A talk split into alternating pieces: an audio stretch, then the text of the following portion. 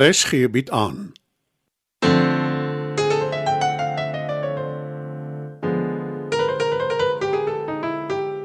Die Lingervelders laat waai deur Marie Snyman.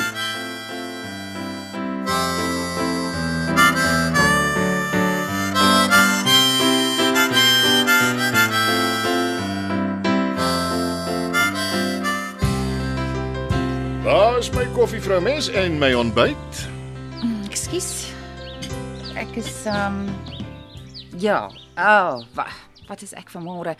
Heeltemal die mekaar. Ag, oh, ja, dis wat. Ek trek darm net jou siel uit, Jammer, Chris, ek het glad nie gehoor wat jy sê nie. want jy dink aan Sean en jou ma. Moenie. Hoe? Sean se reaksie was onnatuurlik om die minste te sê. En my arme ma. Rufie was nog altyd haar stabiliteit en nou het hy net gedros. Jy weet nie wat alles in Sean se verlede gebeur het nie. Nie een van ons weet nie. Nie eers Paul nie. Dis dalk die enigste manier waarop hy dit kan verwerk. Wat Aletta betref, sy is 'n bittere einder. En Rolf draai dalk nog om voordat hy by die groot Karoo uitkom. En of ek my nou oor hulle bekommer of nie, almal gaan hulle gang. Ja, ek is sommer simpel, ek weet. Vat die dag af en gaan ontspan by 'n spa. Of sou dit nie lekker gewees het nie. Ongelukkig begin Dieter vandag met die rakke in die kaste. Hy weet wat hy doen. Jy hoef nie toesig te hou nie. Ons ken hom mos. Sê jy vir die klassieke beheervraat. Ek sal glad nie kan ontspan nie. Jy is nie verantwoordelik vir enige een van hulle in die beds. Laat dit net gaan. Koffie, dis wat ek nodig het. Sterk, swart en bitter. Dit sal my vinnig regruk Maak dit 2. en sommer ontbyt ook. Toe maar ek sal later by die werk kry. Moenie my sê jy's ook nou op intermittent fasting soos die res van die mensdom nie. Glad nie. Ek wil jou net die moeite spaar. Ken jy enige iemand wat 'n eier so lekker soos ek kan bak? Nee, ja? Nou toe. Kom ons eet sommer by die kombuistafel.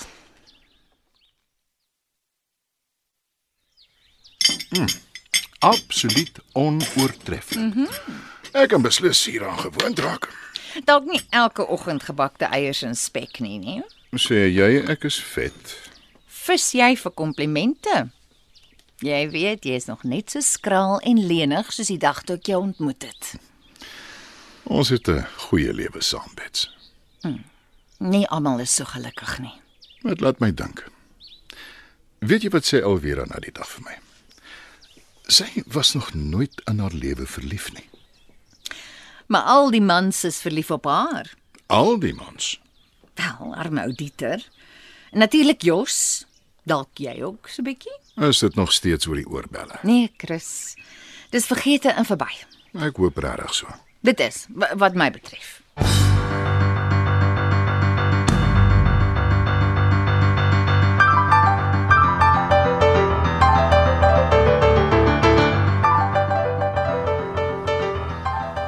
Nou werk ek en jy albei vir die Lingervelders. O, oh, jy darm net tydelik. Dink jy Bets het vir my die werk gegee oor sy my jammer kry? Dit moet jy eerder vir haar vra. Ai weer ek, jy hoor dit ek het met jou. Jy's veronderstel om te sê nee, natuurlik nie, jy's die beste. Jy weet mos jy doen goeie werk, Dieter. Hoekom vra jy my enigsins? En jy en Bets kom goed oor die weg. Ja, julle ook. Eh, Seker dit dat die dat julle dieselfde oorbelle dra. Ekskuus? Die juweleboks op jou speelkas. Ek het gesien, is nie. Van wanneer af krap jy in my goed? Dit staan oop en bloot daar. Toe kyk ek en ek sien die groen oorbelle wat baie lyk soos die wat Bets gedra het die aand toe sy haar skilderye uitgestal het. Ek het nie besef jy's so oplettend nie. Jy sien nooit sulke goed raak nie. Ek sien baie dinge raak, Vera. Meer as wat jy dink. Klaar blyklik. Wie sien dit eerste gekom? Jou nou ware. Chris het Bets se nat maak. Ek het bloot na dieselfde juwelier toe gegaan. Maar uh hy het daarvoor betaal. Maak dit saak. Ek sou so dink ja. Moenie iets daarvan maak nie, Dieter. Dit was 'n geskenk van Chris af, 'n soort langdiensmedalje, soos 'n goue horlosie of 'n kreerrand of 'n ding. En dit bring ons weer terug by die ring wat jy nie wil hê nie. Al sê jy jy's verloof aan my. As dit vir jou so belangrik is, koop dan maar 'n ring. Ek sal dit dra. Dit gaan nie oor die ring nie. Dit gaan daaroor dat jy nie met my wil trou nie. Nou goed, jy's reg. Ek is tevrede met dinge soos wat dit nou is. Tevrede, is dit al? Ek, ek is tog nie lus nie. Wa- Waar gaan jy nou heen? Ek, ek praat nog met jou. Ek gaan die oorbelle haal. Net vandag gee ek dit terug vir die juwelier. Hoopelik vergeet almal dan dat ek ooit die goed gehad het. En hoe dink jy gaan jou baas voel as jy sy langdiensmedalje teruggee? Ek weet nie en ek gee ook nie om nie. As dit regtig nie so belangrik is nie, hou dit. Liewer nie, want dit het nou 'n swaard oor my kop geword. Ek gee my nie uit as 'n kenner nie, maar ek het daarom 'n matriek Engels en ek reken dis 'n geval van the lady doth protest too much. Hamlet, as ek my nie misgis nie. Nou Goed, as dit jou na Shakespeare toe dryf, dan sit ek dit aan. En van nou af dra ek dit dag en nag.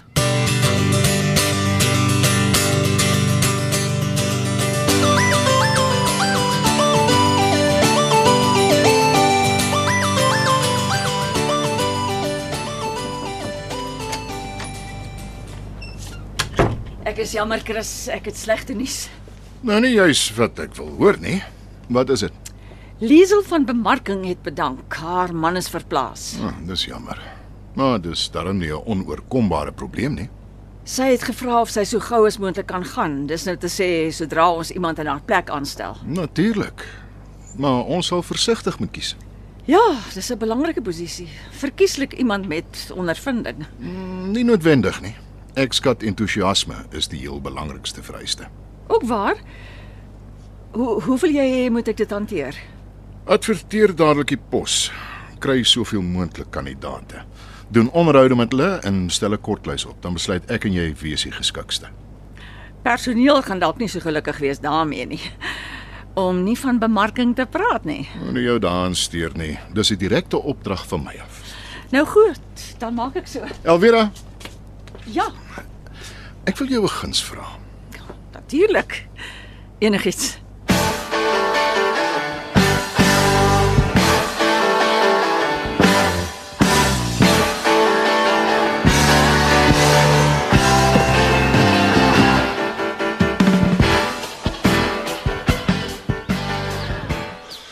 Ek is gelukkig op goeie voet met al die verskaffers, so ek kon voorbeelde kry van watter hout ons kan gebruik.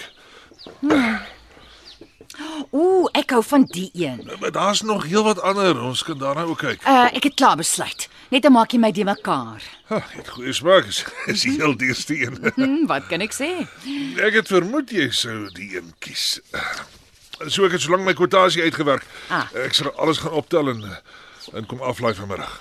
Ek neem aan ek moet 50% vooruit betaal. Uh ja, asseblief. Eh, Ag, dit is net vir die materiaal. En ja, natuurlik.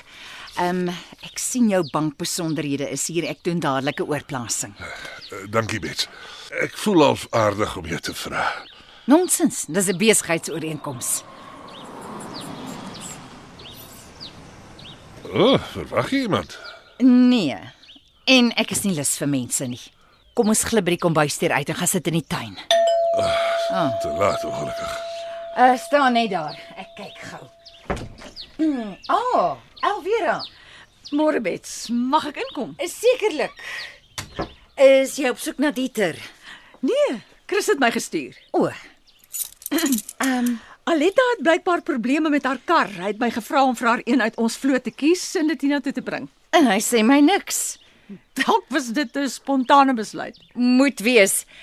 Uh, my ma het nie regtig karprobleme nie, maar uh, dis eintlik 'n lang storie. Hoe dit ook al sê, dis 'n goeie kar, redelike hoë kilometers, maar gereeld gediens hmm. en maklik om te bestuur. Hmm. Jou wederhelf is 'n vrygewige man, Bets. Is eh, lekker om sy skoonma te wees.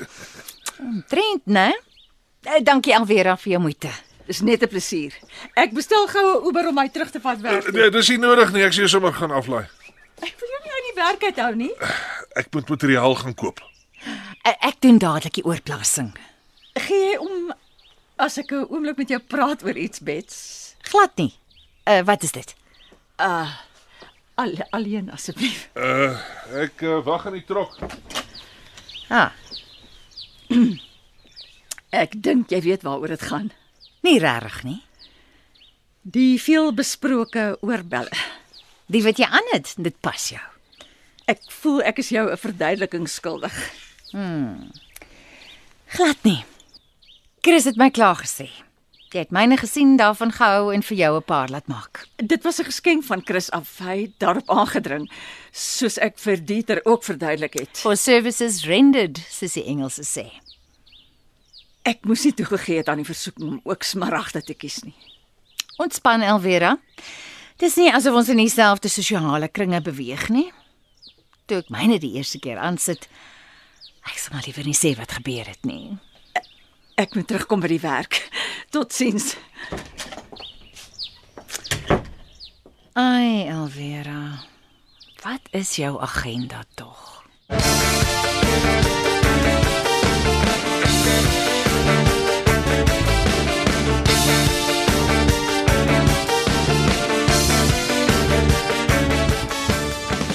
Wat sê Bets van die oorbelle? Wie sê ons het daaroor gepraat? Heretjie. Ek sê jou wat. Kom ek en jy gaan na die juwelier toe wat dit gemaak het, dan omskep hy dit in 'n verloofring vir ons en almal is gelukkig. Ah, nee, nie ekkie. Ek wil nie vir jou ring gee waarvoor Chris betaal het nie. Net die goud en die stene, die juwelier gaan jou nog steeds laat betaal om die ring te maak. Met goud en stene wat ek self koop. Jy kan ook 'n smarag kies vir die ring as jy wil, dan pas dit by jou oorbelle. En eers dan is almal gelukkig. As ek nie so 'n verantwoordelike mens was nie, het ek die goed nou by die bakkie se venster uitgegooi. Jy laat jou gevoelens toe om met jou weg te hardloop. Nee, Dieter. Ek sal nie. Nee, sal nie. Alvera, het. Jy het dit klaar gedoen. Ek sê jou wat. Koop vir my 'n ring, enige ring. Ek sal dit dra. Enige iets om jou van my nek af te kry.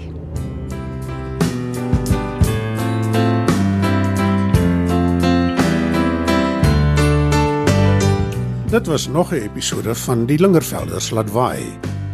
Die tegniese versorging word behartig deur Neriya Mukwena en Evert Snyman is verantwoordelik vir die musiek en die byklanke. Die Lingervelders laat waai word geskryf en in Johannesburg opgevoer deur Marie Snyman.